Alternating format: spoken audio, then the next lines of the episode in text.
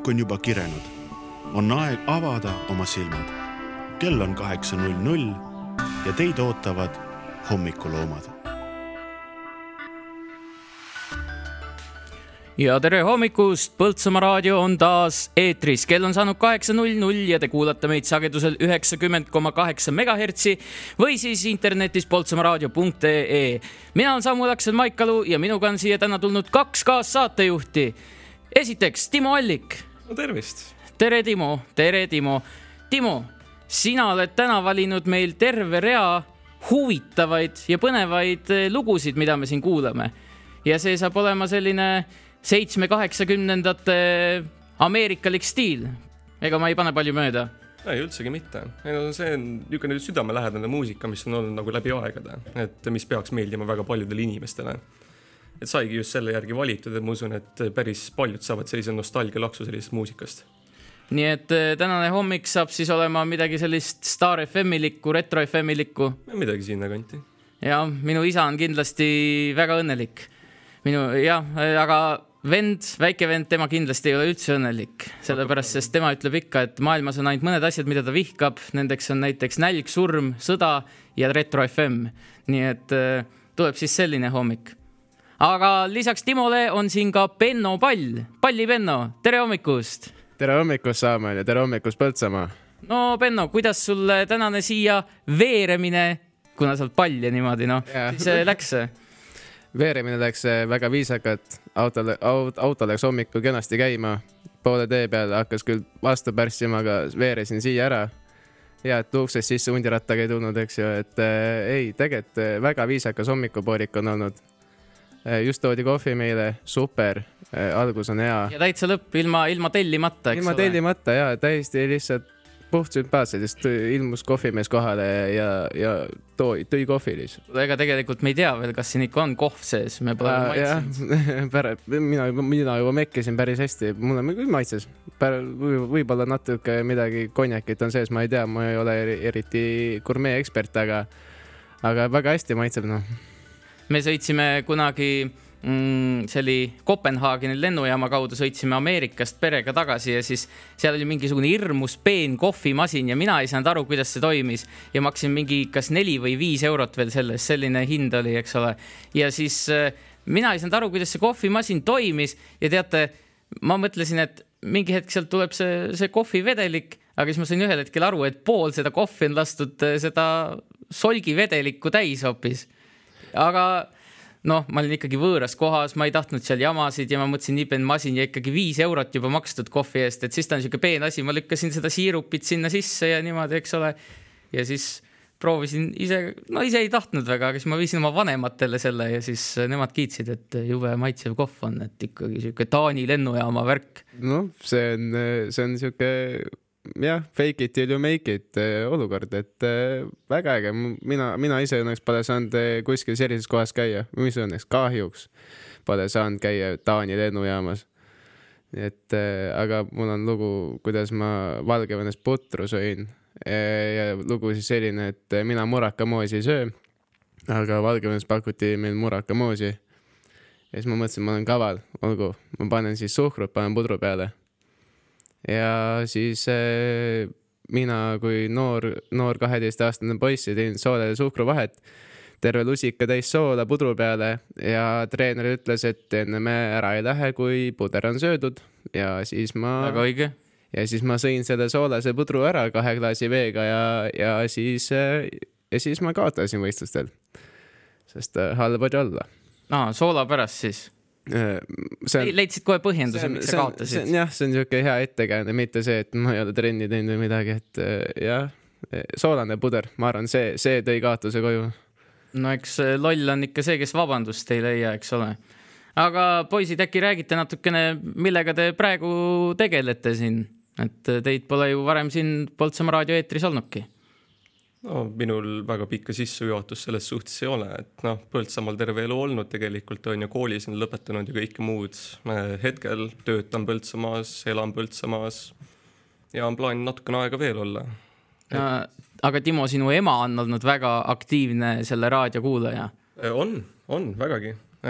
iga hommik põhimõtteliselt reklaamib seda Facebooki peal et äh, jumala eest kellelgi kuulmata ei jääks see no see on kõva sõna ja me oleme tänulikud selle eest, et kui ikka inimesed kuulavad, siis sellest on hea meel. aga Timo, sa lähed sügisest Taani, äkki see on koht avalikuks tulla nüüd selle infoga?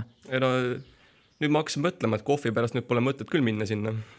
et ma otsin küll selle koha välja saadan sulle, kus seda kohvi sai, et et ja jumala eest. sa proovi siis ainult selle solgiveega, et äkki, äkki see ongi mingisugune Skandinaavia fenomen, et solgivesi on juba meiesuguste jaoks nii maitsev. et jumal, jumal, jumal teab, äkki on traditsioon neil onju, et natukene poolenisti solgivett sisse lasta, aga jah, see on meiesuguste lollide turistide traditsioon seal solgivett lasta. taaskasutus omaette, et vesi ei lähe raisku, lased solgivett sisse. jah, aga mis sa sinna õppima lähed? Äh, hetkel ma vaatan võimalusi, tegelikult äh, ei tea veel, kas äh, lähen otseselt kas see aasta õppima või järgmine aasta, et on täiesti võimalik, et ma lähen proovin seal natukene tööga läbi lüüa uh. -huh. et iga, igat sorti otsad on veel natukene lahtised, võtab veel natukene planeerimist ja eks siis teen lennud. no vot, Benno, millega sina siis hetkel vaeva näed? mina, mina, ma nüüd kõlan nagu tõsine vana inimene aga, aga ma olen, äh, olen nüüd ennast avastanud äh, koos Eestiga. eks ma olen avastanud nii Eestit kui see. hakkasid mingisuguste kristallivärgiga tegelema või? ei, kindlasti mitte, nii, nii nii palju ma ennast ei avasta. et ma lihtsalt olen siin käinud nüüd lähiaja jooksul üle Eesti, kus iganes ma saan, kus iganes mul luba rahakott minna et äh, näiteks väike selline lugu, et käisin, äh, käisin siis paar päeva enne lõpetamist käisin näiteks Saaremaal ja see juhtus ka niimoodi, et kell äh, pool üks öösel otsustasime, et, et hei, lähme Pärnusse, mis me seal teeme. mõtleme siis, kui kohale jõuame. poole tee peal Pärnusse otsustame, et kuule, et kui me juba sinnapoole sõidame, et lähme käime Saaremaalt või Hiiumaalt käime läbi tundus küll siuke niuke noh, väline mõte nagu tundus väga võõras, aga vaatasime neid praamihindu, siis tegelikult täiskasvanu praamipilet oli kolm eurot. viis kolmkümmend viis hommikul eh, praami peale Saaremaale, ühe öö olime seal, ostsime koha pealt, ostsime telgid.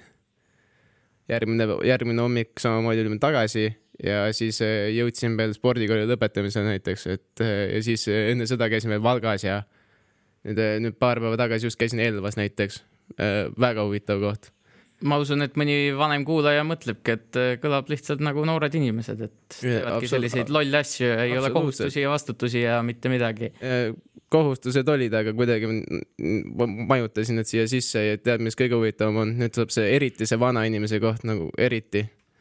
lõpuks tulin ikka Põltsamaale koju tagasi. väga õige, aamen selle peale ja kuulame siis meie esimese loo. Timo Out of touch. mis lugu see veel on? lühidalt.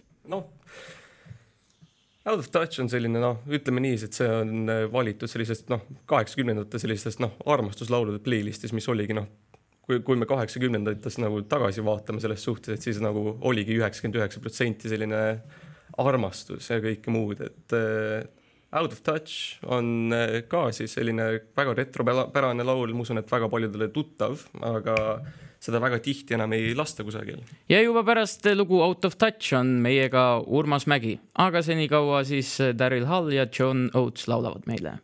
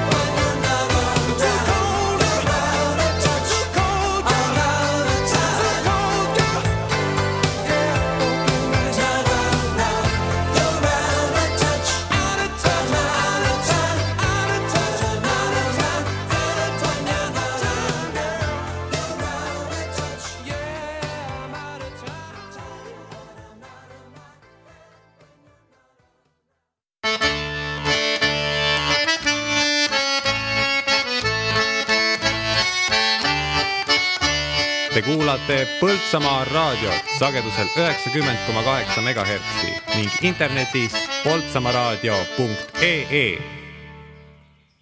ja jätkame hommikuprogrammiga. Teiega on hommikuloomad ja meiega on ühinenud veel üks hommikuloom, kes ongi väga varajane ärkaja. ja tere, Urmas Mägi. tere. Urmas, kas sa oled meie raadiot kuulanud ka natukene? pean tunnistama, et ei ole. Aa, väga õige. nüüd hakkan kuulama. ma ka eile sõitsin autoga ringi ja siis vaatasin, et mingi üheksakümmend koma kaheksa, et äh, igavene jura, et vahetaks midagi parema peale. aga Urmas, mõni päev tagasi oli siin Põltsamaa linna sünnipäev, kuidas sina seda tähistasid, kas võtsid pidustustest ka osa? pean tunnistama, et ei võtnud. jälle pead tunnistama, tunnistad kõik üles? absoluutselt. nii et see on täna Urmase ülestunnistuste saade. olgu käisin, käisin ekskursioonil Põhja-Eestis, ütleme niimoodi. et nagu sa käisid seal Pärnus ja, ja käisid Saaremaal, Hiiumaal joomas ja nii edasi ja laaberdamas. et mulle organiseeriti Põhja-Eesti ekskursioon, mis oli jumala kihvt oli tegelikult. nägin niisuguseid kohti, mida varem ei olnud näinud ja kihvt, äge proovin ette kujutada, mida neil näidata nagu näiteks oli. oli näiteks Hara sadam, mida, milles ma kunagi ei olnud käinud. huvitav oli, mingi Vene nõukogude aegne allveelaevade de-, demagnetiseerimise koht, üks ainulaadsemaid Nõukogude Liidus. siis oli muidugi Viinistu kunstimuuseum, Jaan Manitski ise, ise tegi siis meile vaikselt seda äh, kunsti ekskursiooni seal ja blablabla bla, rääkis ja noh, käsmud, võsud ja lõppes Toolse linnusega. no sai päris pikalt siis ikka käidud? täpselt, päris pikalt. aga Urmas, homme on tulemas üks eh, vahva üritus, kust võtab ka teie puhkpilli orkester osa. mis üritus see on? see on mitte nagu me oleks reklaami lasknud siin viis päeva sellele raadiose ja noh, linnapäevad ja, ja see traditsioon, kus puhkpilliorkester mängib äratusmängu ehk siis sõidab autokastis mööda linna ja mängib marsse. kellele see meeldib, kellele see ei meeldi, see on igalühel enda arvata, aga see traditsioon on juba üle kahekümne aasta, nii et mina leian, et see on jumala vahva värk. Ja pean tunnistama, et me olime üks esimesi orkestreid, kes hakkas niimoodi üldse tegema ma isegi ei mäleta, kellele see idee tuli, et võiks teha. aga pärast seda ma olen kuulnud, et on ka teistes linnades ja kohtades kasutatud seda varianti, et orkester on autokastis ja sõidab linna peal ma tahan, tahaks teada, et neid inimesi, kellele selline asi ei meeldiks, lihtsalt minu arust on väga võimas vaatepilt. kas on neid ka olemas või? on keegi öelnud, et mis te ajate, tahan magada vaba päev ja? noh, mõtlevad kindlasti niimoodi mõned? mõned, noh. enamasti on. ma ei tea, aga on olemas inimesi kindlasti. no vahet ei ole, aga tegelikult see on ausalt öeldes üdini positiivne üritus meie poolt ja rahva poolt on ka ikkagi olnud väga soe vastuvõtt sellele. inimesed tulevad tänavatel lehvitama. no esimestel aastatel me sõitsime lihtsalt kuidagi niimoodi ad libitum, sõitsime mööda linna ringi. parasjagu läksime, kuhu siis nagu autojuht suvatses viia meid aga nüüd viimastel aastatel olen nagu marsruudi ise paika pannud niimoodi ja, ja oleme levitanud seda ka FB-s ja, ja, ja kodulehekülje peal seal. et, et juba inimesed teavad, et ahaa, minu tänavast tuleb auto läbi ja on kohe ilusti tänava peal vastas ja aga kuule, kui te mööda Pajusi maanteed sõidate, seal on nüüd terve rida neid lamavaid politseinikke, et kas orkester hoiab sellel hetkel siis hinge kinni, kui te sealt üle sõidate või? Üldiselt me vaatame oma marsruudi niimoodi, et me ei lähe Pajusi maanteele. no, no näed. jah, ja, ja. see on nüüd selle suur miinus, eks. Mhm, noh, midagi ei ole teha ja üritame ka sõita neid tänavaid, kus on ikkagi natukene siledam see asfalt, näiteks Pargi tänavas sõidame kindlasti ah jaa, siin juba enne see uus asfalt, eks ju. no see on nagu kõige uuem ja kõige ja. siledam. ja see on hästi udu, udupeen. Lähte õnnistate sisse oma orkestrimänguga selle ma arvan, seal Pargi tänaval elab õnnistajaid küll, on ju, et kas nüüd meie oleme see õnnistaja. kusjuures õnnistustest rääkides, siis teil on üks veel väga vahva traditsioon, millest paljud Põltsamaa inimesed ei tea, nimelt igal ülestõusmispühade hommikul te ju mängite kirikutornis, mängite mõned lood, no mis kõlab väga ilusti, kusjuures ma pean mainima. on, kõlab väga ilusti, aga pean mainima, et see ei ole nüüd orkestri traditsioon, see on nüüd ütleme, et see on Tavandi orkestri traditsioon, et need on kaks eri asja.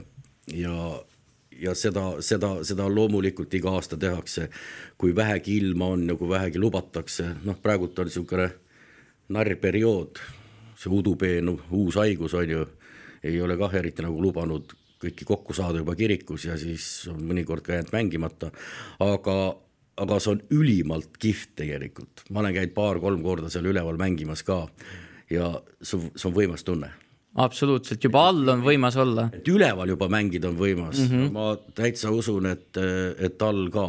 ja üks aasta oli, oli täpselt oli meil see laulupeo aasta ja meil oli pühapäeva hommikul oli nagu koondproov Põltsamaa kultuurikeskuses.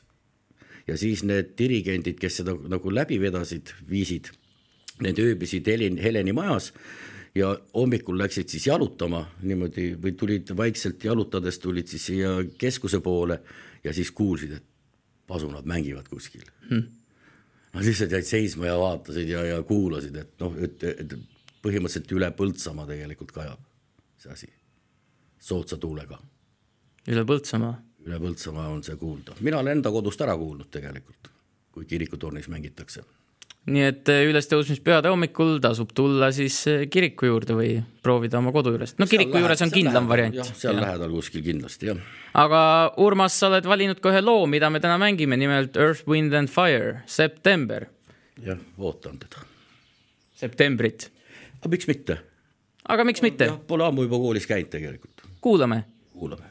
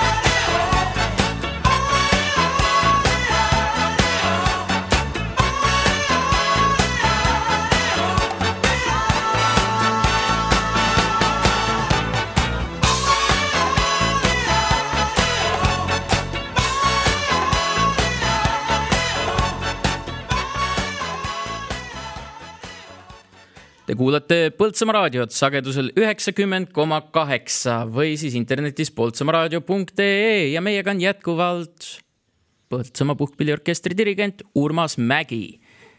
ja Urmas, rääkisime siin meie Põltsamaa oma orkestrist, aga orkester on ka siin vähemalt kuu aega tagasi veel oli ühiskonnas laiemalt teema. no eks need teemad on niimoodi, et nad tulevad ja lähevad ja inimesed unustavad kiiresti. aga orkestrinduus on päris suure sellise rünnaku all või nii, et eh, kui isegi siin alles mõni nädal tagasi meie president Kersti Kaljulaid pidas vajalikuks ühel eh, sündmusel siis mainida, et, et meile neid eh, sümbolväärtusega asju ja, ja, ja pidulikke tseremooniaid ei ole vaja. no muidugi eh, iroonilisel kombel ta on ise sümbolväärtusega ametipositsiooni esindaja, kes üldse pidas kõnet väga pidulikul tseremoonial. aga, aga jah, nii see on. Urmas, kuidas sina kogu seda suurt catch'i oled siis vaadanud, mis selle Kaitseväe orkestri ümber on keerelnud? noh, kõik see, kõik see, mis seal nagu tehakse seal kaitseväes praegult orkestri ümber on ausalt öeldes, kõik on see jama. et, et Eesti oleks nüüd siis üks esimesi riike, kes arvestab sellega, et tal ei olegi endal nagu tseremoniaalmuusikat, ei olegi orkestrit, niisugust professionaalset orkestrit. et see oleks noh, maailmas, maailma mastaabis oleks see tegelikult suur jama ja Eesti mastaabis äh, loomulikult, et meil on praegult on puhkpilliorkestrid kaks tükki väga professionaalsed. Nad annavad ikkagi põhimõtteliselt, kui nüüd kokku panna, siis iga päev kontserti, iga päev on neil mängud.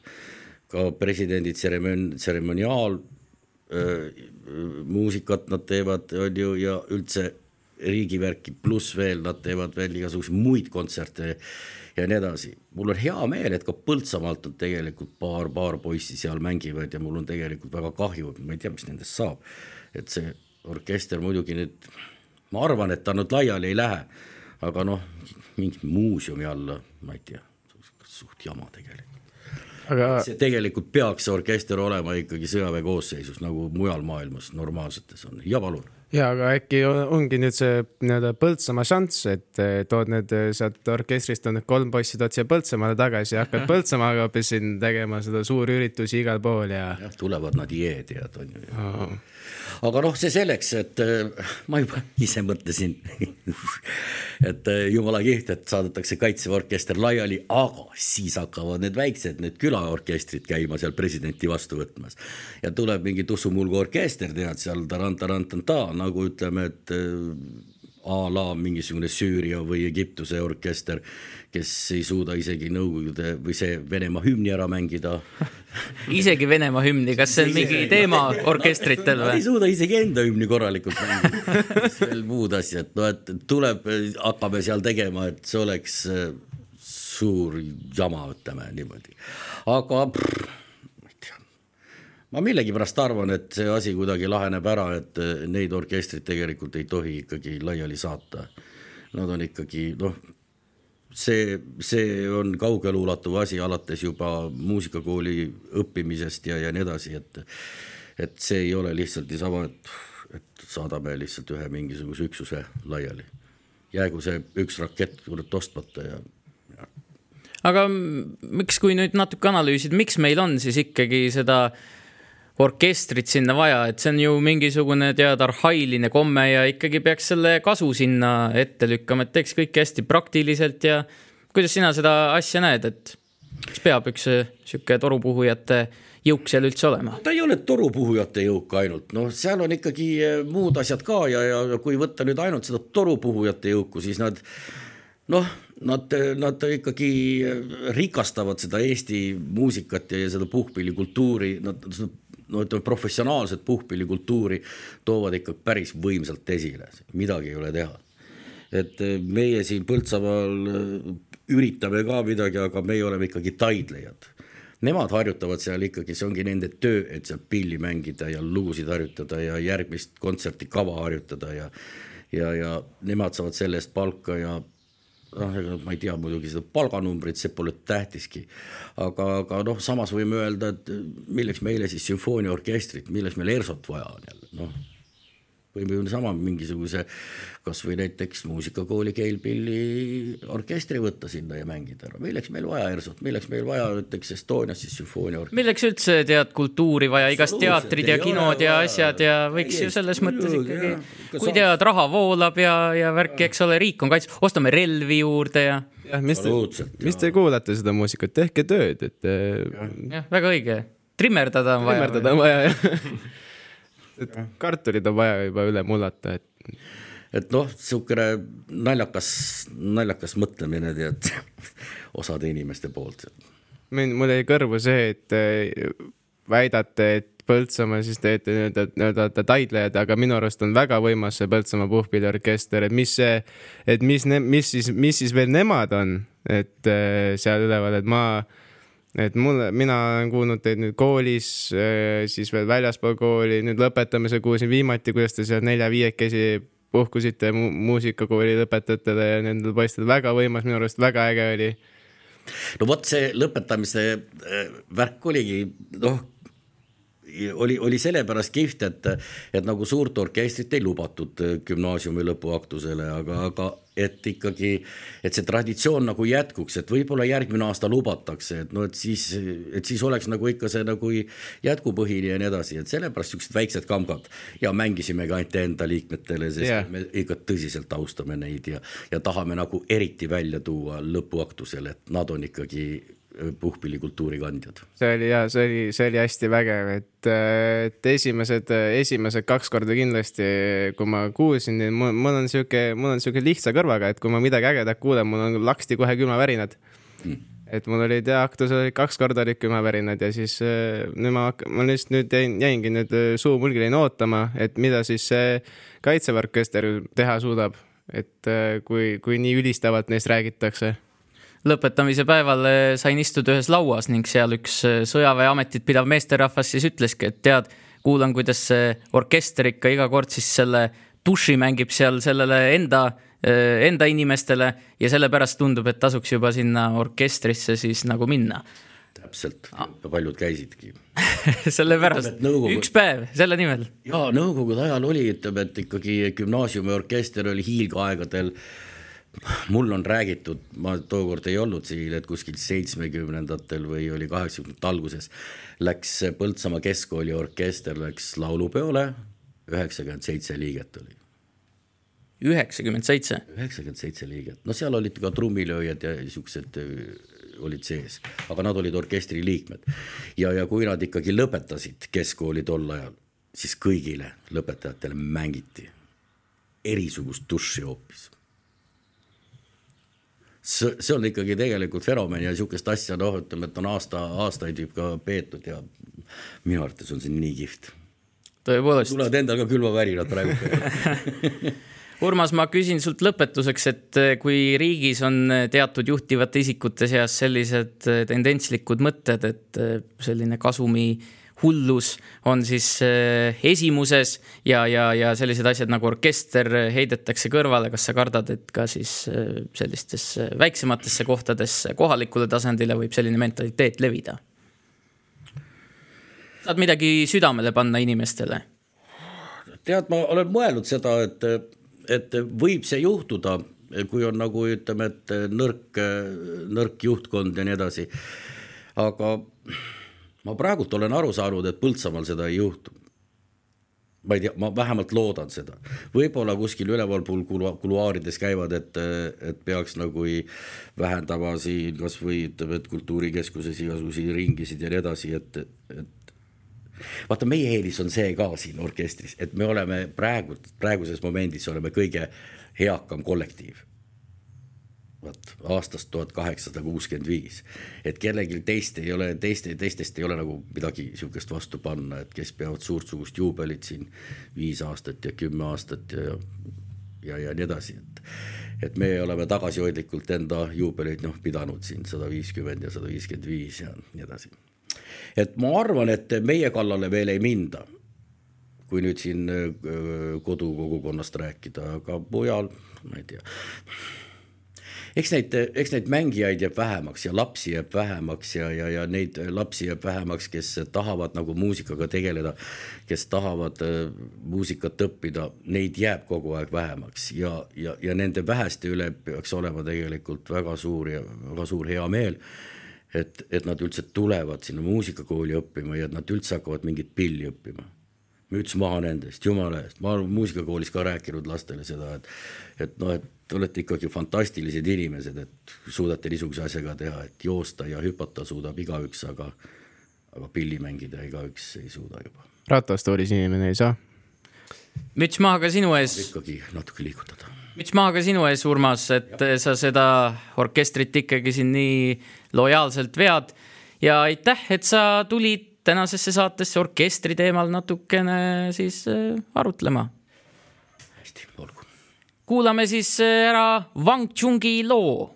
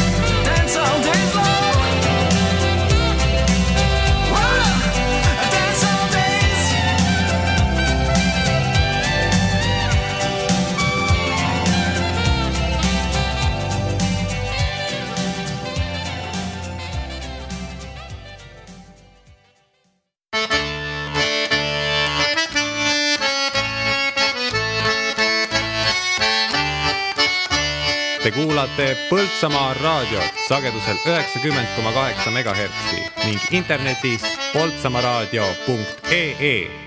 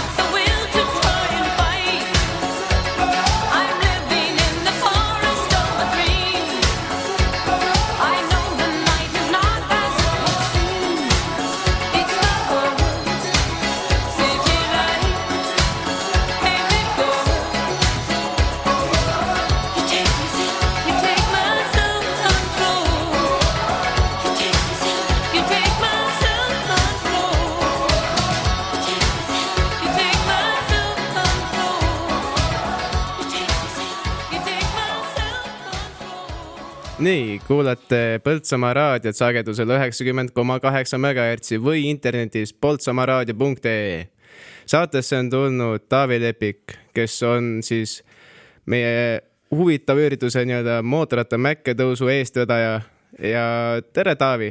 tere, eestvedaja vast mitte, et korraldaja on keegi teine siin eh, homsel üritusel, aga olen aastaid olnud juba peakohtunik. olen ise ka kunagi kümmekond aastat sõitnud, aga, aga erinevatel põhjustel siis eh, nüüd juba mitmeid aastaid kohtuniku rollis. aga Taavi, räägi meile täpsemalt, et mida see üritus siis nagu iseendast kujutab? Eh, Põltsamaa mäkketõus see aasta on Eesti meistrivõistluste esimene etapp. Eesti meistrivõistluste sari koosneb vii- viiest võistlusest ja millele siis homme pannakse avapauk. Mootorrataste mäkketõus kui selline, maailma kõige vanem motospordiala üldse. esimesed ametlikud võistlused peeti tuhat, tuhande üheksasaja teisel aastal Põhja-Ameerikas. kas ja... siis olid äh, kiirused ka ikka väiksemad vist tol ajal? ja kogu see, kogu see tehnika oli hoopis, hoopis, hoopis mi- midagi muud, et kas see oli mingisugused äh, aurumootoriga krossikad siis või? ei, nad olid ikkagi sellised eh, kahekümnenda sajandi alguses, kui nüüd mootorrattad tekkima hakkasid, et siis nendest ilma vedrustuseta sellised ainult rauast, suhteliselt väikese hobujõududega, et aga, aga ütleme niimoodi, et mehed olid ka eh, samamoodi rauast. no, no, no et, et siiamaani on motosporti on jäänud rauast mehed ja aga, aga rattalehvad võimsamaks ja kergemaks motosport äh, vist annab sellise päris äh, tugeva jõu tegelikult taha just, kas, kas see oli rohkem nagu alakehale või ülakehale või mõlemat? ta on terve keha saab terve keha saab paraja laksu, jah? jah. et, et äh, ja, et selline huvitav üritus ja, et äh, aga ma küsin kiiresti, kuidas see siis äh, nagu välja näeb, et äh, ma ei ole ise väga käinud ja ma usun, et meil on palju kuulajaid, kes ei ole sellist asja näinud, et äh, mis seal siis tavalise sellise krossi sõiduga, et noh, nimi ütleb mäkketõus, aga siis ongi, et kogu aeg lihtsalt tõused ja, ja, Ja, siis me- vaatategi, kuidas brrr, läheb ja et, et on selline äh, üks kõige paremini jälgitav motospordiala üldse, stardist kuni finišini on terve rada jälgitav pealtvaatajatel ja sõidetakse ühekaupa erinevates võistlusklassides ja sõit käib selle peale, kes kiiremini mäest üles saab, kui saab üles, et, et reeglina tehakse rajad rasked et, et ei oleks nii, et kõik saavad kohe hooga ülesse ja, ja siis ei ole midagi vaadata, et, et publikule kindlasti, mis meeldib, on hästi palju kukkumisi. samas hästi turvaline motospordiala, et eh, julgen väita, et kõige turva, üks turvalisematest motospordialadest üldse, mis maailmas on. et selliseid, kindlasti juhtub vigastusi ja, ja luumurde ja kõiki asju, aga, aga kuna hoog on väike ja, ja sõitjad on üksinda rajal, siis, siis see teeb ala eh, turvaliseks no üks, üheski motokrossi alas vist ei ole see, et luumurde ei juhtu, et aga ma tahtsin küsida, et, et rääkisite uutest ja huvitavatest masinatest, et mis, mis on siis nagu kõige uuemad ja kõige suuremad masinad, millega näiteks Põltsamaa võistluse üles minnakse? Äh, suures klassis ehk siis Unlimited klassis on üks tuhande kahesaja kuubikuline äh, KTM-i superbike'i pealt võetud mootor, millel on siis raam ümber ehitatud. on üks äh, KTM-i LC kaheksa pealt võetud mootor, millel on nitro peal. on väiksemaid äh, k- single-klassi rattaid, millel on nitro peal.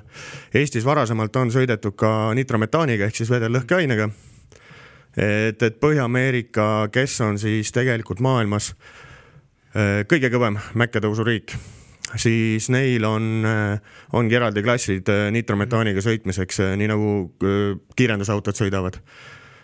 Et eh, teistele kuulajatele, kes siis seda mootorrattavärki ei tea, teavad, mis asi on eh, superauto Ferrari'd. põhimõtteliselt mõni, mõni ratas siin on Ferrari kahe ratta peal ja kui sa gaasi annad, siis ta on ainult ühe ratta peal. nii et see, need mootorrattad, mis siin täna või varsti võistlusel sõidavad, on väga võimsad ja seda tasub vägagi vaatama minna ja Taavi, Taavi, kas ta sogas niisama või? ei, tegelikult isegi, et äh, natukene hoidsid tagasi, et, et on äh, äh, ma nüüd ei julge öelda, kas ta homsele võistlusele tuleb, aga on Eestis olnud äh, rattaid, mille võimsus tagaratast on tunduvalt suurem kui ratta tühimass.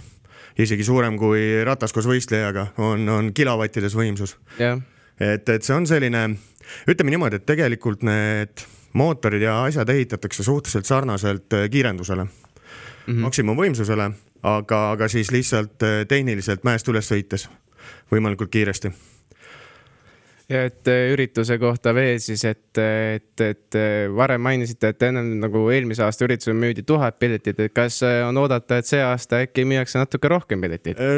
tahaks loota, et, et, et mina kui kes ma olen kahe tuhandendast aastast selles äh, ringkonnas sees, just mäkketõusu ringkonnas.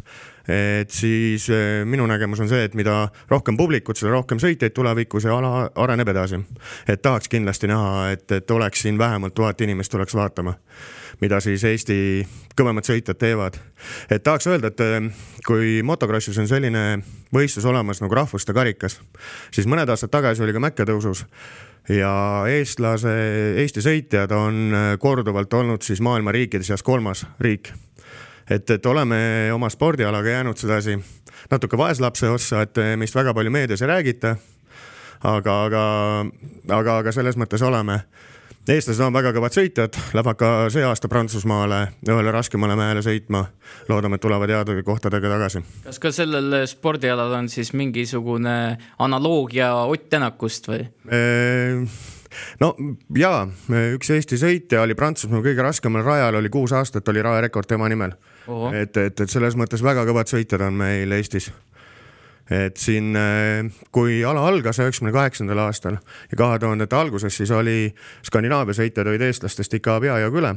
praegusel hetkel, kui eestlased lähevad Skandinaaviasse sõitma, siis kohalikud ei saa ühtegi kohta et, et jah aga äh, ma ikkagi kordaks üle, et äh, ku, kus see siis nagu täpselt toimub ja, ja millal selles mõttes, et meil on kindlasti selliseid kuulajaid, kes tahaks uudistama tulla, aga ka selliseid, kes teaksid sellel päeval siis äh, sealt eemale hoida, sealt piirkonnast, et aeg ja koht aeg on või koht on Kuningamäel, vana prügimägi vist on ta, kui ma ei eksi.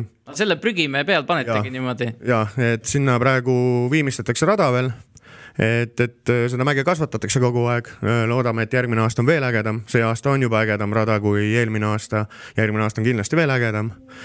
ja kellaajaliselt äh, jah, algusaeg on minu jaoks alati keeruline, kuna mina olen peakohtunik ja olen alati. kuupäev oligi? homme. homme? homme. siis kolmas jah? kolmas juuli me peame siin raadiostuudios vist akna kinni panema siis, et, et me ikka midagi rääkida saaks. ei, vast nii hull ei ole, et kuigi jah, ega summuteid ei kasutata nende võistlusrataste puhul, et, et mürapiirangut ei ole, nii nagu on eh, ringrajal või motokrossis või, või, või enduros, et, et mürapiirangut ei ole ja on selline lärmakas ka. et igatepidi mõnus vaadata no kas ikkagi nagu selles mõttes ma täiesti võhiklikust seisukohast küsin, et ma mõtlen, et tead ma olen proovinud jalgrattaga sõita mööda seda Kuningamäed üles, see on juba paras piin, et äh, mul niisugune tunne, et ma kukun seal üle ääre või midagi, et kas see siis ei või juhtuda, et keegi siis ühel hetkel vaatad inimene läheb välja, jalutab seal äh, mööda siin Põltsamaa tänavaid, tuleb sealt kuskilt lossipäevalt mingi suhkruvatt käes ja siis vaatab järsku, et Kuningamäe otsast mingisugune tüüp lendab sealt alla niimoodi ja mm,. ei, äh, selles mõttes, et äh, võistlus on tehtud võimalikult turvaline, võistlusrada, võistluskorraldus, kõik asjad on tehtud võimalikult turvaline.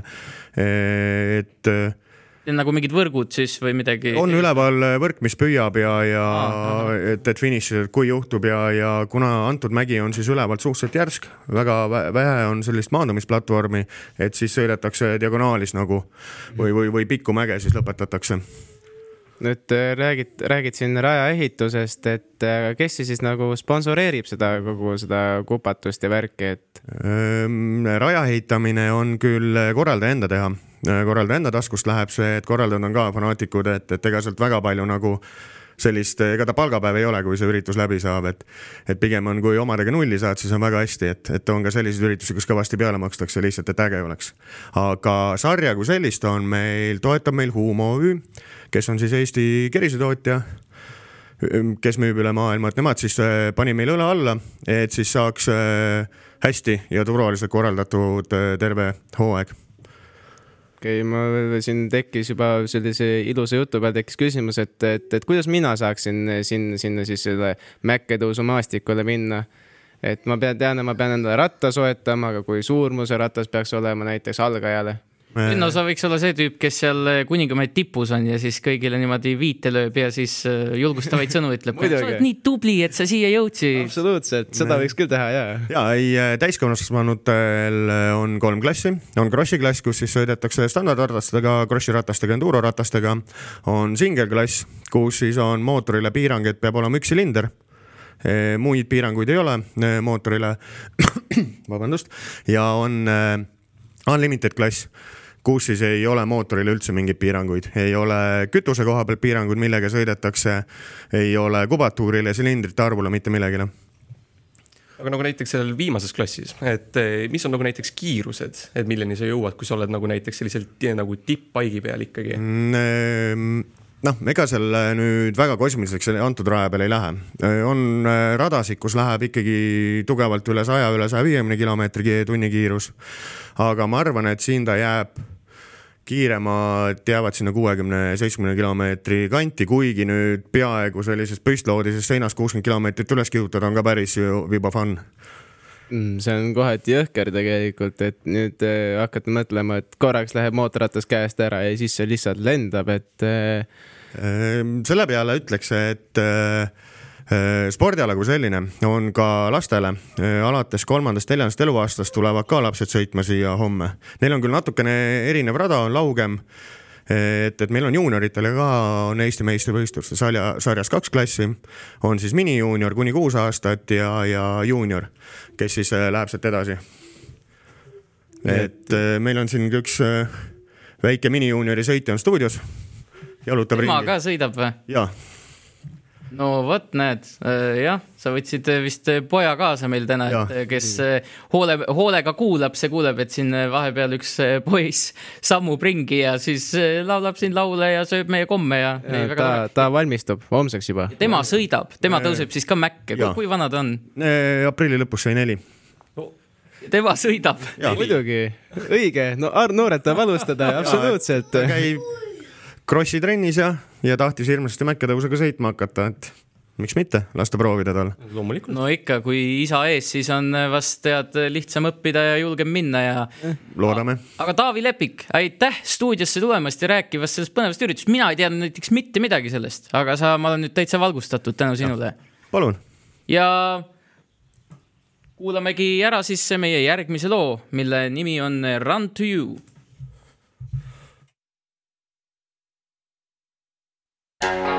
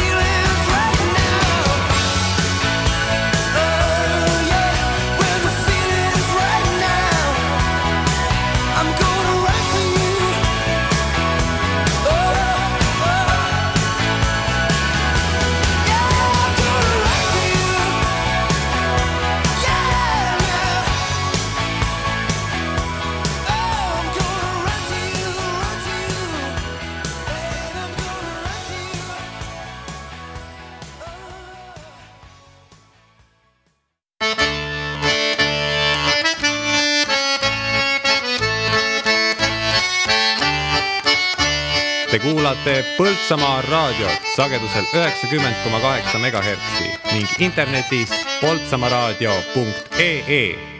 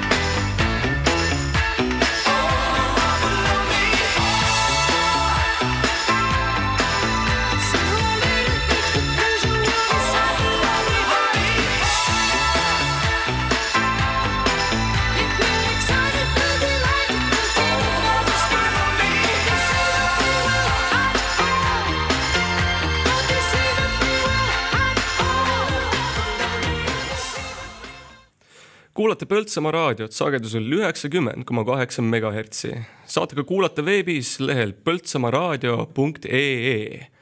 nii, vahepeal on meiega ühinenud siis üks uus külaline. nimeks on tal Raik eh, Matekainen. nii, Raik, kiire siis isiklik sissejuhatus. ja tere hommikust kõik Põltsamaa inimesed, kõik kuulajad sagedusel üheksakümmend koma kaheksa, siis oli siis jah. ja, ja aitäh et te mind siia kutsusite, loomulikult veidi ärev tunne on, omast konditsioonist on välja tiritud, omast urust poest. Raik, kui ma päris aus olla, ma kirjutasin eile õhtul siin saate kirjeldusi ja ma pidin uuesti järgi vaatama, kuidas su nime täpselt kirjutatakse ja siis äh, täna hommikul kirjutasin su nime siia üles ja siis jälle pidin vaatama, sul on nii keeruline nimi, kust sa selle saanud oled, see on niisugune soomepärane nimi vist või? jaa, kas see oli nüüd õieti, kui ma ütlen Uri Soome või oli äkki jah? jah, et äh, isa, isa ikka on see kurja juur praegu, aga nii mõnigi seda kogu aeg hääldab nagu valesti, Matikainen. eks seal Soomes on neid Matekainenid ja Matikainenid läbisegi ka. no mul jäi jälle kõrva see, et sa ütlesid, et tulid oma urkast välja, et ei, Urust. Urust, no ikkagi. Urgas ei ütle. Urgas ei tohi öelda. ei ole Urgas. see on, see on väike urg. aga kas see on nii väike urg ikka? ma olen, ma olen seal käinud paar korda, mulle, mulle jääb küll mulje, et väike maja suur on seest. ma täpsustan kuulajale, et äh, Raik on siis äh, see jalgrattakeskuse boss seal. Absoluutselt. seda me See ei maininudki täpselt. see mainin- Põltsamaa jalgrattakeskus, siinsamas nurga taga kultuurimajast, kus me praegu oleme. jaa, tahtsingi enne öelda, et me oleme ülehovi naabrid ju. täpselt nagu sa ütlesid, maja ongi väljast väike, sees suur. mulle endale tundub ka nii, noh. Eks me oleme palju vaeva ka näinud. et, et kõike teha, ehitada juurde kogu aeg. iga, iga, iga jumala penn läheb edasi sinna majja nagu arendusse. aga kas tuleb siis nüüd lähitulevikus tuleb mingeid laiendusi ka või midagi sellist, et suuremaks uudiseid oleks palju jah, mida tahaks öelda, kõike äkki ei julgegi kohe päris välja öelda. kui siin äh, kohe nüüd äh, võtta poodi, seal sees oleme teinud juba laiendust ka, no võtnud äh, vanad korstnad maha, võtnud seal seina maha, teinud suuremaks, enda arust ägedamaks, paremaks, kogu aeg tahame ju paremaks kõigi, kõigi teie jaoks. ja, ja nüüd ju rattapoe sisehoovi garaažides äh, tuleb ju kohe-kohe siin loetud päevade jooksul avame äh, sõiduautode rehvitöökoja. et siis see on niisugune talveplaaster, talvel on ju, no ongi väga raske. et kogu aeg peab mõtlema ikka, kus seda, kus seda käivet nagu saada, et see maja nagu püsti püsiks. No ta iseenesest on jah, selline nagu nišäri tegelikult, aga selles suhtes, et nagu ta on iseenesest vägagi suunatud ikkagi Põltsamaa rahvale, on ju, et et no, kohalikud rattaomanikud ja kõik muu, et ega ma ütlen, et äril kui sellisel on nagu natukene südant ka ikkagi nagu taga ja seda on nagu näha ja nagu sa ise ka räägid, et kõik, mis on tehtud, teenitud, on pandud sinna ikkagi tagasi mm. -hmm.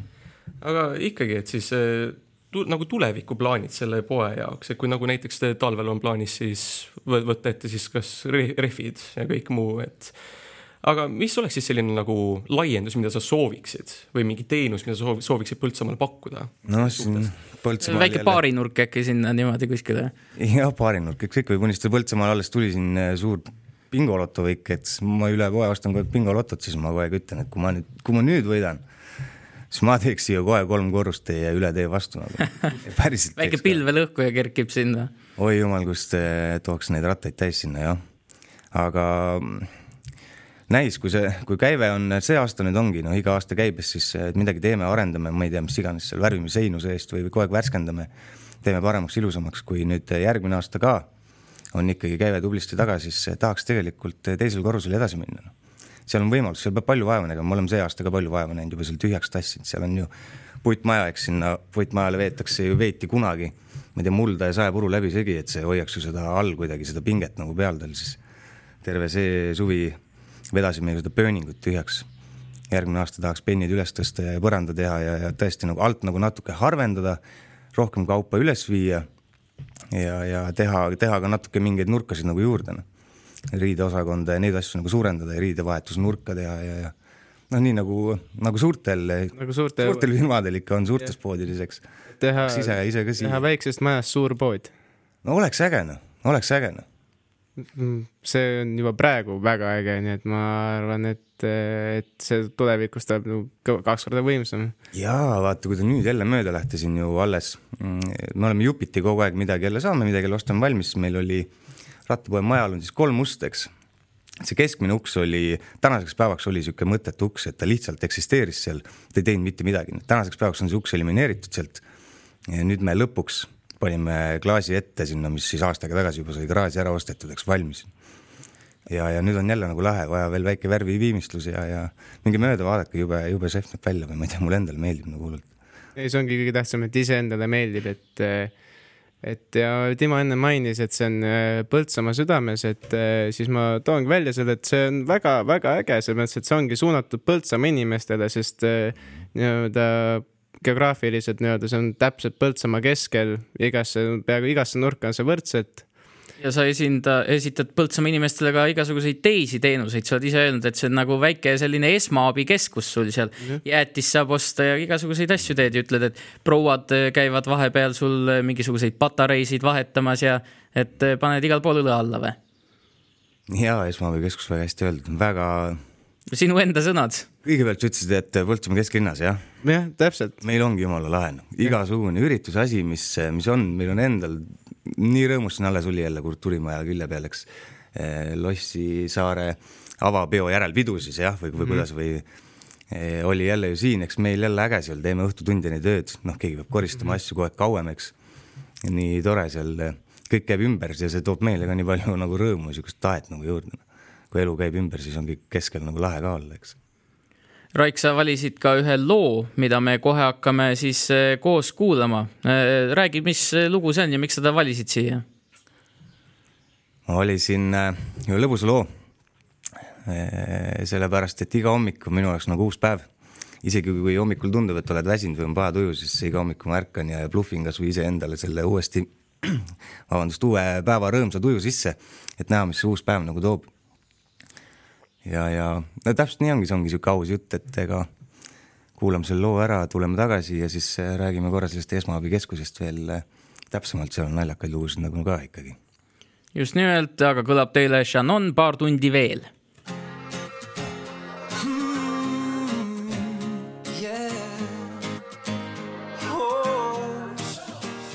Mõnikord tundub, et sinuga kohtudes kell käib ees, sest vajan rohkem aega.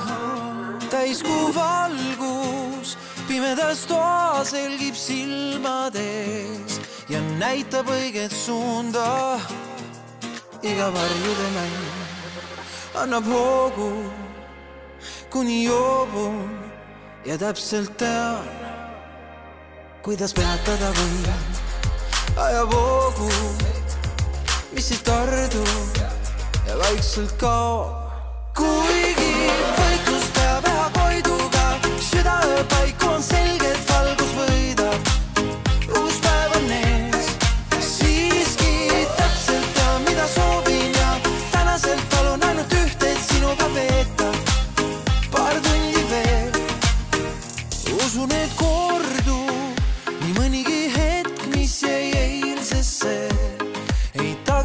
saa minna.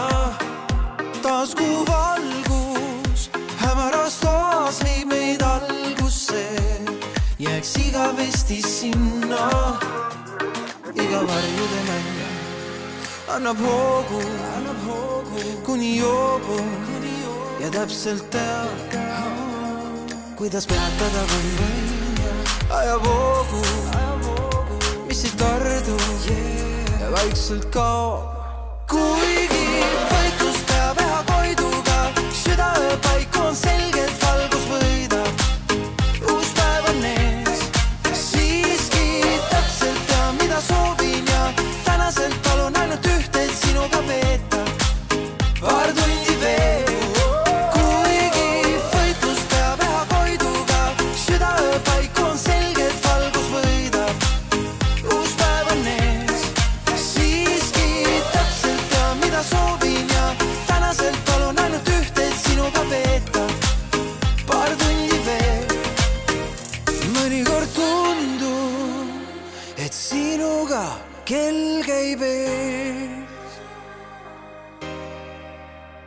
täiskuu valgus helgib su silmade ees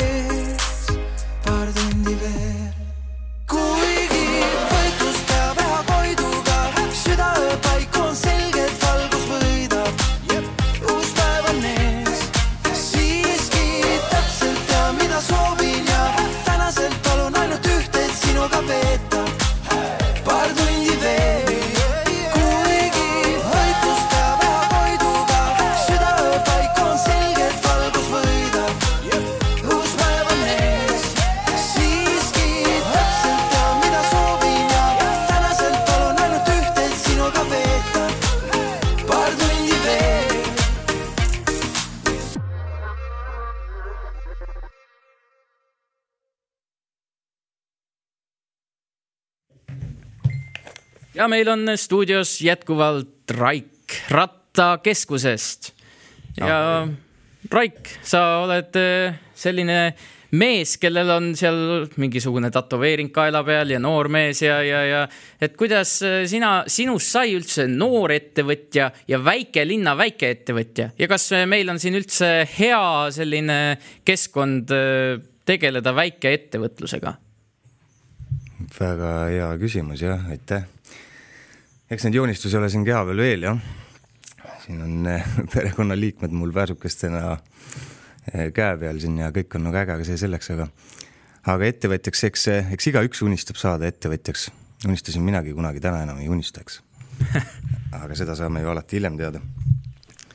et eh, kuidagi sai see kompanii loodud. kuidagi sai see kompanii loodud ja, ja lõpuks, kuidas ma siia Põltsamaale selle rattapoega, eks jah. ütleme nii, et mind pigem valiti, noh. kunagi ju eh, Tarmo Tiks pidas seda poodi, asutas ja pidas seda poodi ju tublisti circa kakskümmend aastat.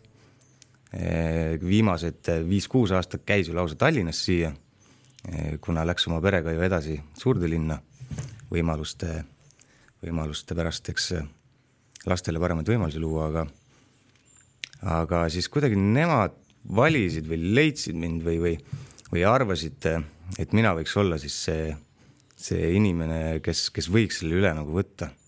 eks meie eelnevad kokkupuuted võisid seda nagu näidata. iseennast siin nimelikult nagu kiita või noh, ongi imelik, eks tore küll, kõik on tublid, aga, aga kuidagi, kuidagi nii see jäi.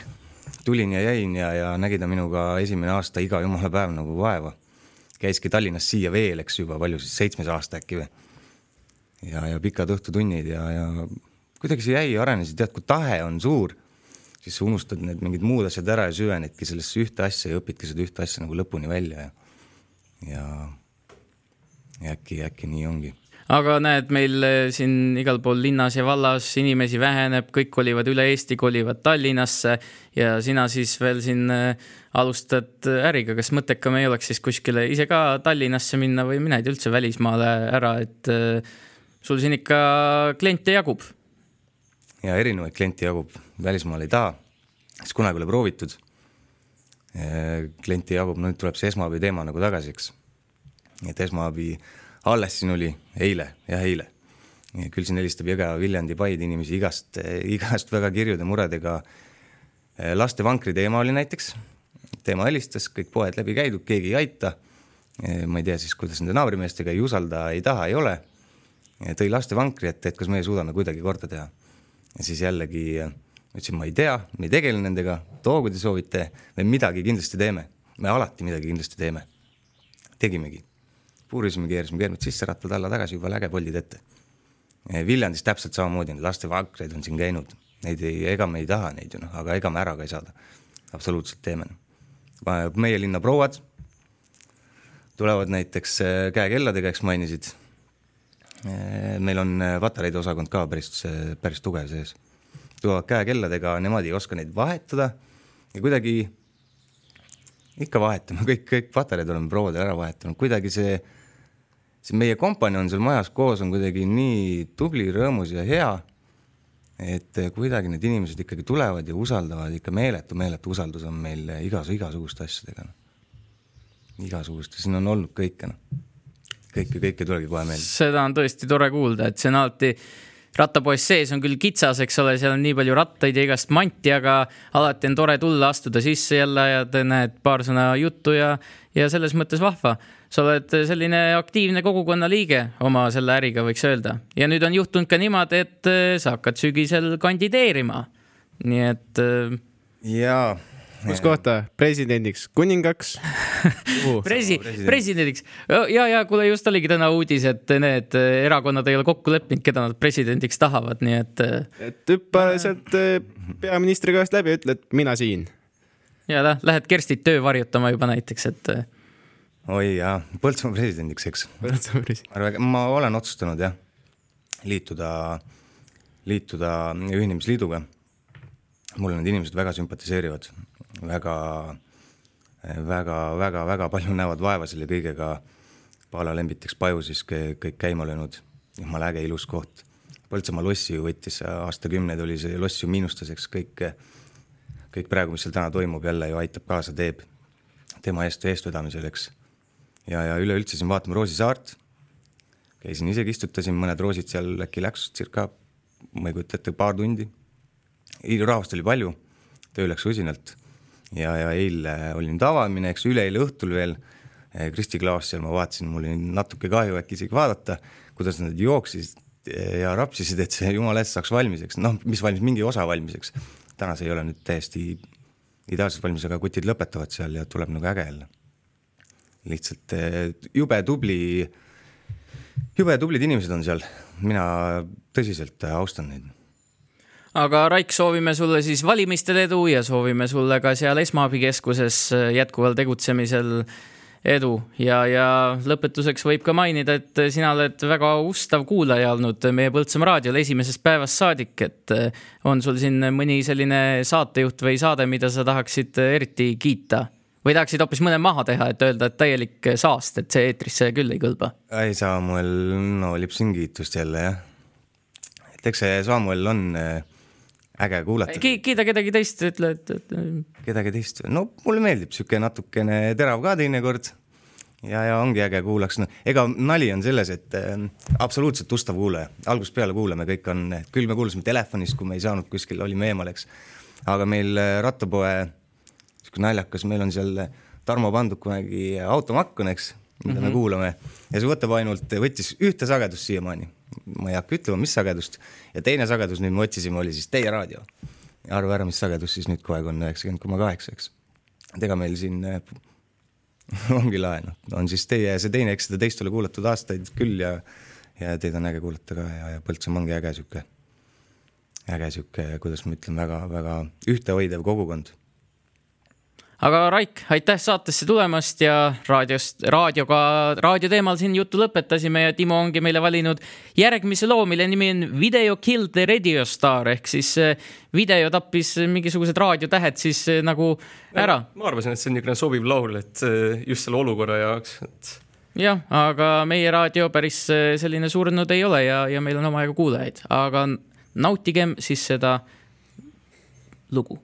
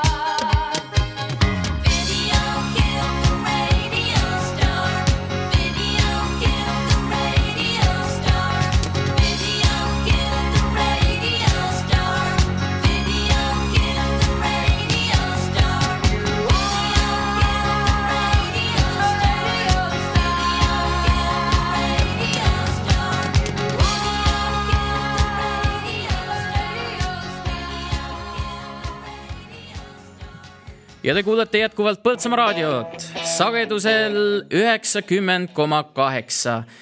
ja meil oli just siin Raik Matekainen, enne teda oli Taavi Lepik, kes rääkis meile siis äh, mäkketõusust ja enne veel oli siis kõige esimene külaline Urmas Mägi, kellega arutasime siis orkestri teemadel ja ka orkestri teemal laiemalt ning äh, mainisime ka meie presidenti. no näed, see presidendi teema on täna ikka korduvalt äh, selles mõttes nagu läbi käinud.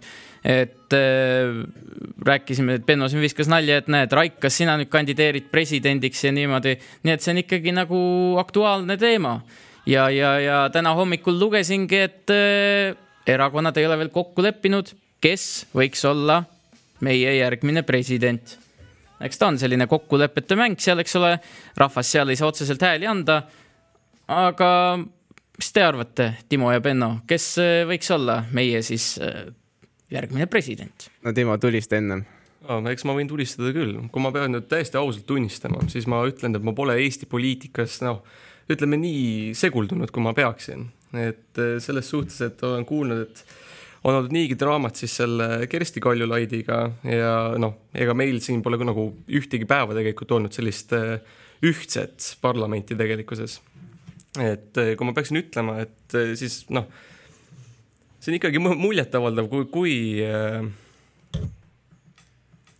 no ütleme, et äh, nõusse me mitte millegiga ei jõua, et see on niisugune nagu Eesti, Eesti rahvasse nii see natukene sisse ehitatud, et nagu, et alati pead olema kas naabrist parem või natukene kuidagimoodi õigesti arvama või noh, Benno, kuidas sa arvad? ja minul ongi kaks, kaks arvamust, kas president peaks olema tuima näoga sihuke tömp vend, kes väga midagi ei tee, ainult otsustab ja lihtsalt istub ja näeb normaalne välja või siis vastupidi, täiesti erakordselt midagi uut. Näiteks I- Itaka Mariano, sealt eh, meediaradarilt täiesti kadunud naine võiks nüüd tulla tagasi, hopsti on president, ilmub kuskilt maalt välja, täpselt no, samamoodi. Kersti Kaljulaid ilmus Jaa. samamoodi välja täpselt- täpselt- teine, teine selline comeback, miks kus, mitte? kus, kuskilt, kuskilt, nüüd ma võin öelda urkast, kuskilt tuli välja, popsti, olemas. kena, muidugi jällegi Kersti vastu ma pean, minul, minul pole otseselt mitte midagi, minu arust ta saab tööga väga hästi hakkama. miks mitte, ta võiks ju joosta ka kümmet aastat. et, et miks ka mitte, selles mõttes, et mina, mina isiklikult ei saa talle midagi ette heita, aga lihtsalt see oli natuke kahtlane, et, et ma mäletan, et Siim Kallas ja kõik see, noh, igasugused teise vuntsiga mehed olid seal ootel ja värki ja siis kõik nagu sai, kõik sai nii-öelda inglis, inglisepäraselt cancel iti ja siis tuli Kersti. et äh, see nagu üllatas mind, see oligi see, et ma läksin veel presidendivalimiste ajal läksin magama ja hommikul sain teada, et, et jõu, mina Kersti siin, president olen et, et nüüd, nüüd ongi see, et kas nüüd on vaja midagi, midagi uut ja huvitavat. et kas on vaja kedagi, kes oli nagu Ilves või siis Itaka Maria ja see on, see on selline minu sihuke hot take sellel teemal. Äh, ma käisin siin äh, aastaid tagasi, käisin Brüsselis, sattusin sinna, nimelt äh, Indrek Tarand, vaata seal Europarlamendi liikmetel on need mingisugused iga kuu mingi teatud arv külalisi, mis nad oma riigist siis saavad sinna kutsuda. ja mina juhtusin olema üks nendest lihtsalt ei midagi suurt ega erilist grandioosset, vaid lihtsalt sellel põhjusel, et meil oli siin Jõgevamaal mingisugune üritus. Indrek Tarand pidi sinna tulema ja, ja siis ta lasi meid üle ja siis nagu vabanduseks kutsus meid hoopis siis Brüsselisse mingil hetkel, et olime kuskil tema nimekirjas. aga tema seal ütles, kui temalt presidendi kohta küsiti, ta meiega seal vestles ja tema ütles seda, et eh, võiks olla seal hoopis mingisugune näitleja et see on selline positsioon, kes mitte midagi ei otsusta, mitte midagi ei tee, et siis see võiks olla nagu selline rolli täitmine ja tead, minu arvates see on isegi selline liiga ebaradikaalne väide. ma vaatasin siin võidupüha paro- paraadi ja, ja sellistest, noh, siin täna juba rääkisime orkestri juures mingisugustest sümbolväärtustega institutsioonidest ja ametipositsioonidest.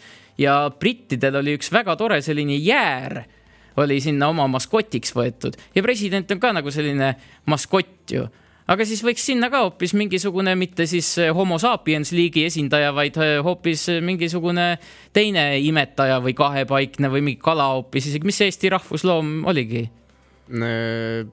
praegu ma Eesti rahvusloom, no ei pea isegi olema, me ei pea ju teatud ja, me, me ei pea teisi liike diskrimineerima selles mõttes et äh, teeme mingisuguse konkursi ja milline loom võiks olla näiteks Eesti president või milline lind. aa, no lind on ju praeguse aastalind on vist tuttpütt, eks ju, kui ma nüüd ei eksi, et äh, näiteks ta võiks olla üks kandidaatidest, tuttpitt äh, nimega siis Oskar näiteks. Oskar Tuttpütt. Jah, täpselt, see on siis meie president ja selle Kadrioru lossiga, sellega võiks hoopis midagi targemat ja praktilisemat teha, et kui kasu tahta maksimeerida, võiks näiteks äh, selle anda hoopis mingisugustele startup ettevõtetele kontoriks Kadrioru lossi. on vastupidi kanakuudiks. see on, see on sihuke ökovärk, vaata, mahe, mahe, seal vaata nii palju ilusaid õue ja roosiaiad ja mis iganes, saab kanad joost-, jooksma lasta ja saab pärast tuppa tagasi, ruumi ka munevad, kus tahavad ja kui vaja, saab munad ära võtta, kui ei taha mune ära võtta, siis võta ja. no ongi need erinevad kontorid seal erinevates ruumides, eks ole, saavad seal vahepeal eh, ringi jalutada ja niiviisi. ja noh, tingimus siis oleks see, et väike mingisugune eh, kuus korda kuus meet-, meetrit selline aedik jäetaks sellele Eesti rahvusloomale Jah. või sellele linnule ja siis need eh, tudengid või kes seal neid startup'e teevad, eks ole, siis nad kordamööda ja lähevad sealt, Ja, toidavad ja, ja. seda looma, et ära jaotatud. viskavad tuttpütile eest. natuke seemneid ja kui mingi teri ja,, kui mingi riiklik otsus vaja teha onju, siis paneme kaks taldrikut talle ette onju, et üks, üks ja teine valik, et seal, kus sööb, siis valime, et nojah, et kas Ja see on- seadus lastakse läbi, ega ta nii palju ei otsustagi. samas see on vaata nii mõjutatav, et ühe taldrikule paned telliskivi, teise paned mingi seemned, eks ju, no ilm, ilmselgelt võtab seemned, eks ju, et, et keegi peab siis seda kontrollima ja, aga siis on jälle vaja, et noh, ei saa ju neid poliitikuid usaldada, ma arvan, siis peab tegema live stream'i. Ei no ongi, aga ega presidendil on seal terve rida igasuguseid nõuandjaid ja asju, kes võtavad ju ka palka ja siis eh, nagu kulutavad meie raha, et et eh, noh, mina ei tea, Tutt-Pütt on siis president ja eh, Öökull on siis tema nõuandja ja, ja noh, absoluutselt polegi vaja. Neile maksame terades äh,, odras äh,, anname lihtsalt. usun, nad on väga rahul. ma arvan küll, neile, neile, ma arvan, me saame vahepeal isegi anda palgakõrgendust või midagi, anname neile mingi jahu, jahumötri või mis iganes jahukoogikesi, siis nad on nagu saavad boonust või midagi. okei okay,, ühepalgalise ametikoha peaks ikka kindlasti looma Aleksei Turovskile sinna kui sinna sihuke loomaaed juba tuleb, siis tema, tema on õige mees, kes äh, seda asja siis vahepeal kommenteeriks ja, ja sellest siis räägiks. ta te,, tema oskab neid loomi kindlasti tõlkida, et tema on sihuke mees, kes oskab seda loomade keelt suurepäraselt. aga siis põhimõtteliselt Turo-, siis Turovski on ju president põhi- põhimõtteliselt, aga samas mitte. Ei ole, ta on, ta on tõlk. nõuandja. nõu, jah, ta on teine nõuandja, ta on, tema on selline mees, kes on ka võitnud Eesti rahva usalduse, nii et ma usun, et me kõik usaldame. ma arvan, ma arvan, et ta on siis selle öökulli parem käsi, et siis on nagu, nagu vähe ausam. selle öökulli assistent, Assistent. Aleksei Turovski, sihuke et äh, see oleks päris huvitav. ja tegelikult ma hakkan mõtlema, et no mis eesmärk tegelikult presidendil on. et, et kas keegi teine ei saaks seda täita, et no president tegelikult, oleme ausad, ongi ainult esindusisik. just nimelt. et, et aga, aga siis eh, see, ma arvan, see esindusisiku need õigused, mis ma põhiseadust olen lugenud, see ongi lihtsalt antud nii-öelda moe pärast, et ega see vist president tegelikult, tegelikult väga asju nagu vastu ei võta, et ma arvan, et isegi see praegu me pil-, pil-, no kuidas ma ütlen, pilk, me ei pilka, me avaldame oma arvamust, et Tutt-Pitt võiks olla president. et kui Tutt-Pitt olekski president, ma arvan, et ega see, ega see riik nüüd kokku küll ei variseks, et noh, absoluutselt ei variseks, absoluutselt ja, ja võiks ju, kuna loomade eluiga on kõvasti lühem, siis saaks tihemini valimisi teha. absoluutselt ja. ja ma usun, et see on ka selline teema, et no ma ei tea, kujutage ette, et siis mingisugune seal Riigikogu fraktsioonis mingi Hanno Pevkur ja Martin Helme lähevad üksteisele peaaegu kallale, sellepärast et üks toetab siili, teine toetab karu, et see, see on, kes see karu toetab, see on raudselt on venelane. no vot, aga siis karu, karu toetaja, kui meil karu on president, siis näiteks Haribo kummikommid keelatakse ära, et lõpetage see toiduahela tipu mängimine. kelle, kelle poolt sa see aasta valid? ma, ma, ma jäin rebast vaatama seega. ja, ja kas, kas Raul Rebane? ei, lihtsalt Rebane. nii, aga kuulge, aeg on käes ilmateate jaoks ja Johanna Järva on siia ennast valmis pannud ja loebki ette meile ilmateate juba mõne hetke pärast.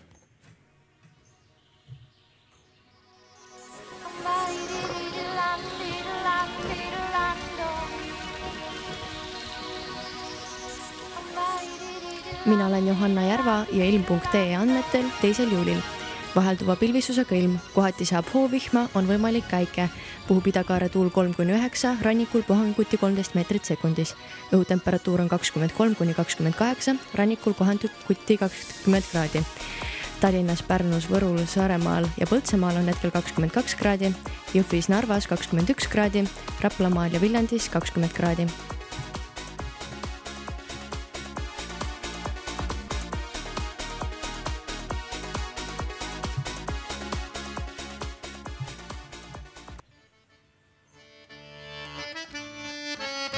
Põltsamaa. Põltsamaa. Põltsamaa. Põltsamaa.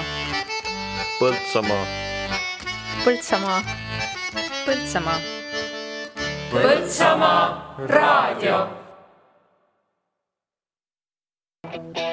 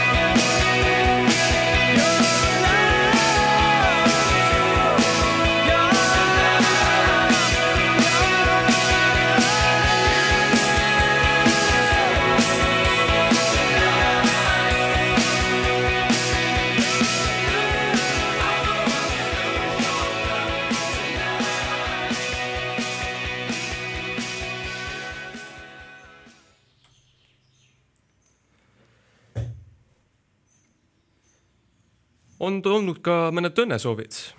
et äh, alustuseks sooviksime õnnitleda Jüri Oksmani, kallist isa, vanaisa ja vanavanaisa Jüri Oksmanit õnnitlevad kahekümnenda, kaheksakümnenda juubeli puhul. kahekümnenda. natuke nooreks pidada see oleks hea. kaheksakümnenda on natukene parem number, aga kes siis äh, teda õnnitlevad? Äh, teda õnnitlevad siis tütar Anne perega Kristiina ja Priit ning Katrin, Peeter ja väike William. on tulnud läbi ka õnnesoovilaul, kus öeldakse, et võiks olla rahvusmeeskoori lauljatelt sünnipäevalaulude popurrii. seda kindlasti hiljem kuulame, aga Benno, sinul on eh, siis mingisugune õnnesoov ka? ja nägin, nägin Facebookist, et eh, minu kunagine koolikaaslane eh, Rein Veedlal on täna sünnipäev. Rein, kui sa juhuslikult kuulad seda täna, siis eh, palju õnne sulle. ma ei ole ka saanud sulle isaks saamise puhul õnne soovida, et eh, palju õnne sulle ka selle eest. ja, ja naudi siis tänast päeva. Facebook ütleb mulle, et sa said täna kakskümmend neli ma, ma ei, nüüd ei kujuta ette, ma ei usu, et sa kakskümmend neli oled. aga samas aktiivselt. täpselt nagu me ei usu, et Jüri Oksma on kakskümmend. et, et jah, täpselt samamoodi, et aga ja, et, et ole siis tubli täna. jah, täpselt nii ongi, aga enne kui me kuulame siis eh, Jüri Oksmanile sünnipäevaks tervituseks ja tõesti kaheksakümmend, see on ikka väärikas iga. Enne kui me kuulame siis eh, rahvusmeeskoori lauljatelt sünnipäevalaulude popuriit, siis eh, nimelt eh, enne kui Timo siia täna hommikul tuli, siis tema ema luges talle sõnad peale ja mis ta, mis ta sulle ütles? kindlasti mängi ka Prince'i poolt Purple Raini. ja teile kõlabki siis Prince'i Purple Rain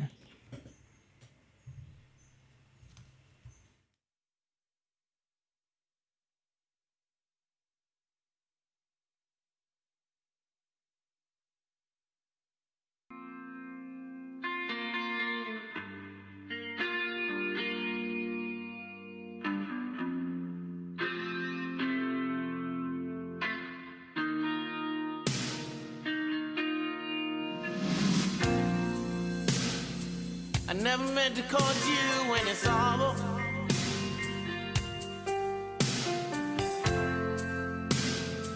I never meant to cause you any pain.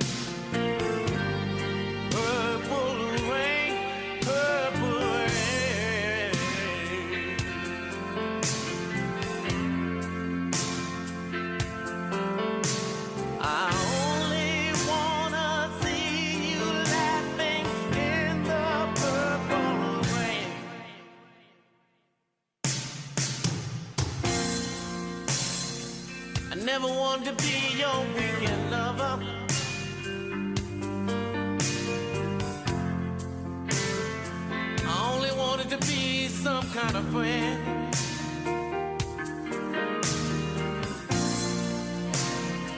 Baby, I could never steal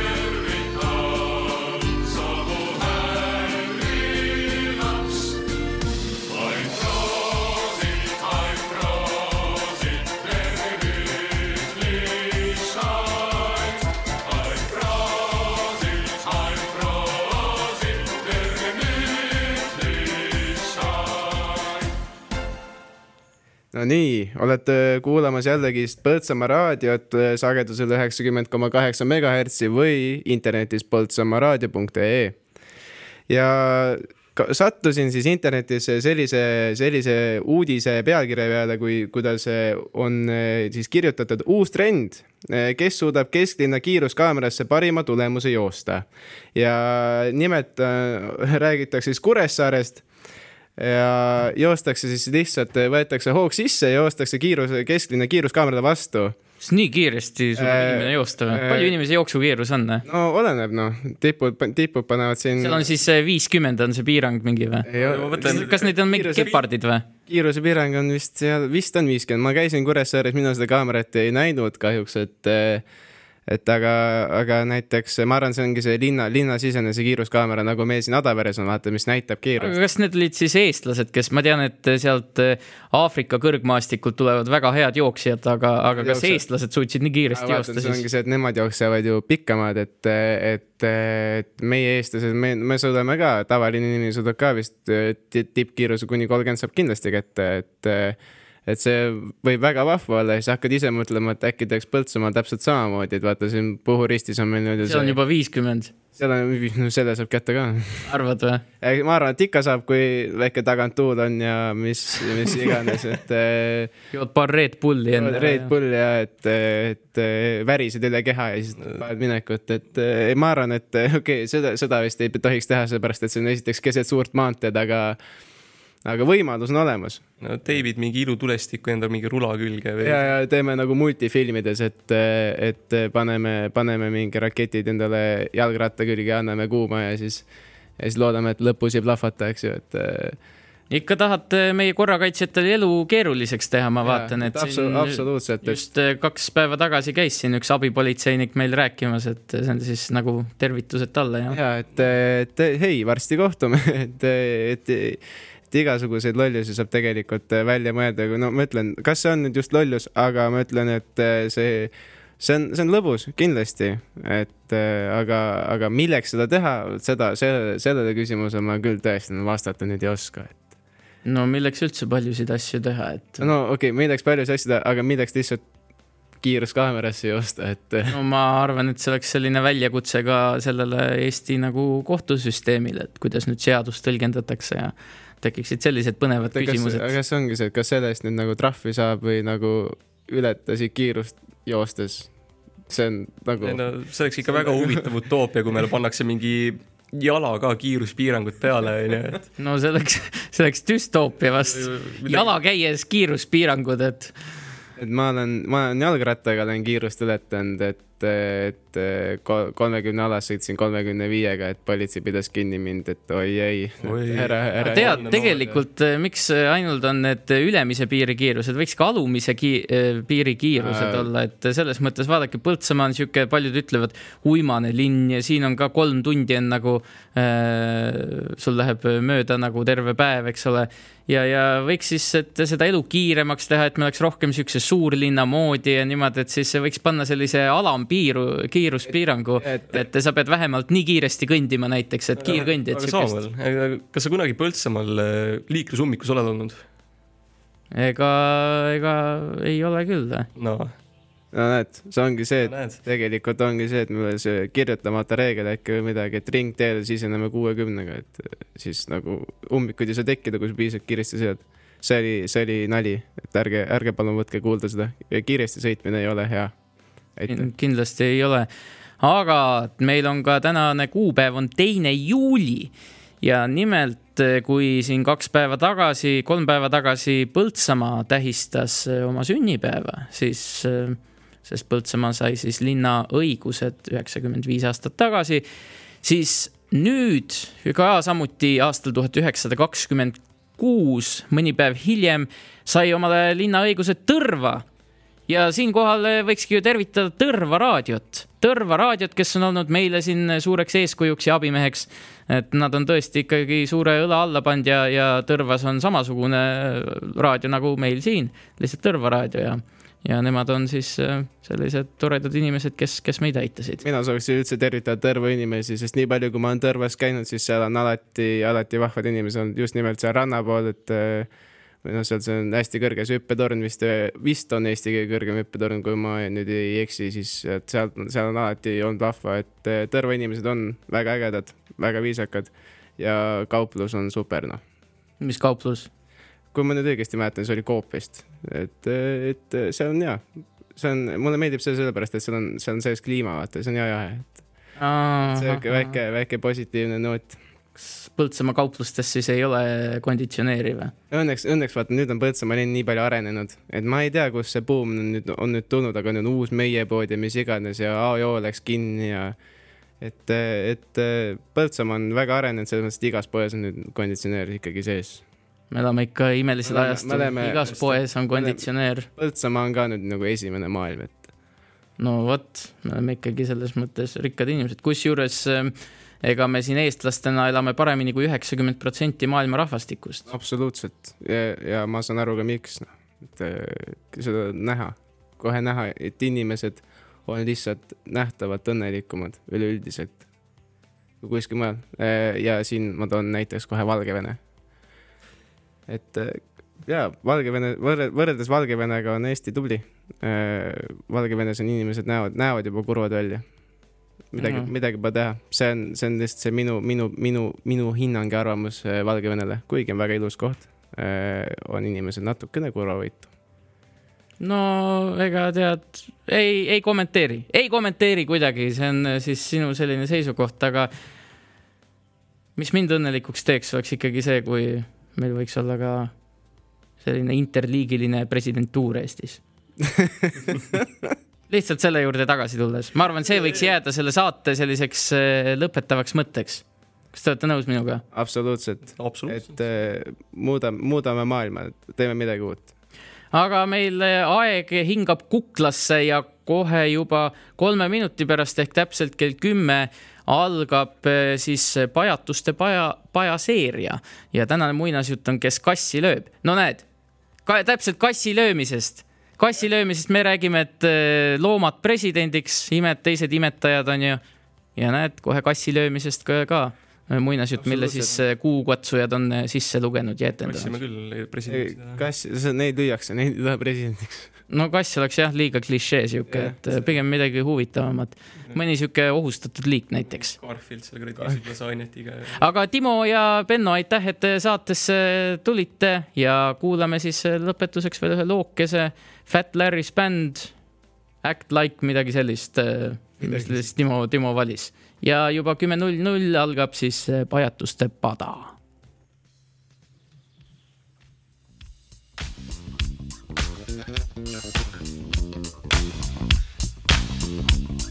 Yeah, you wanna know? Act just like, act just like you know. Whoa, you just ought to know. Yeah,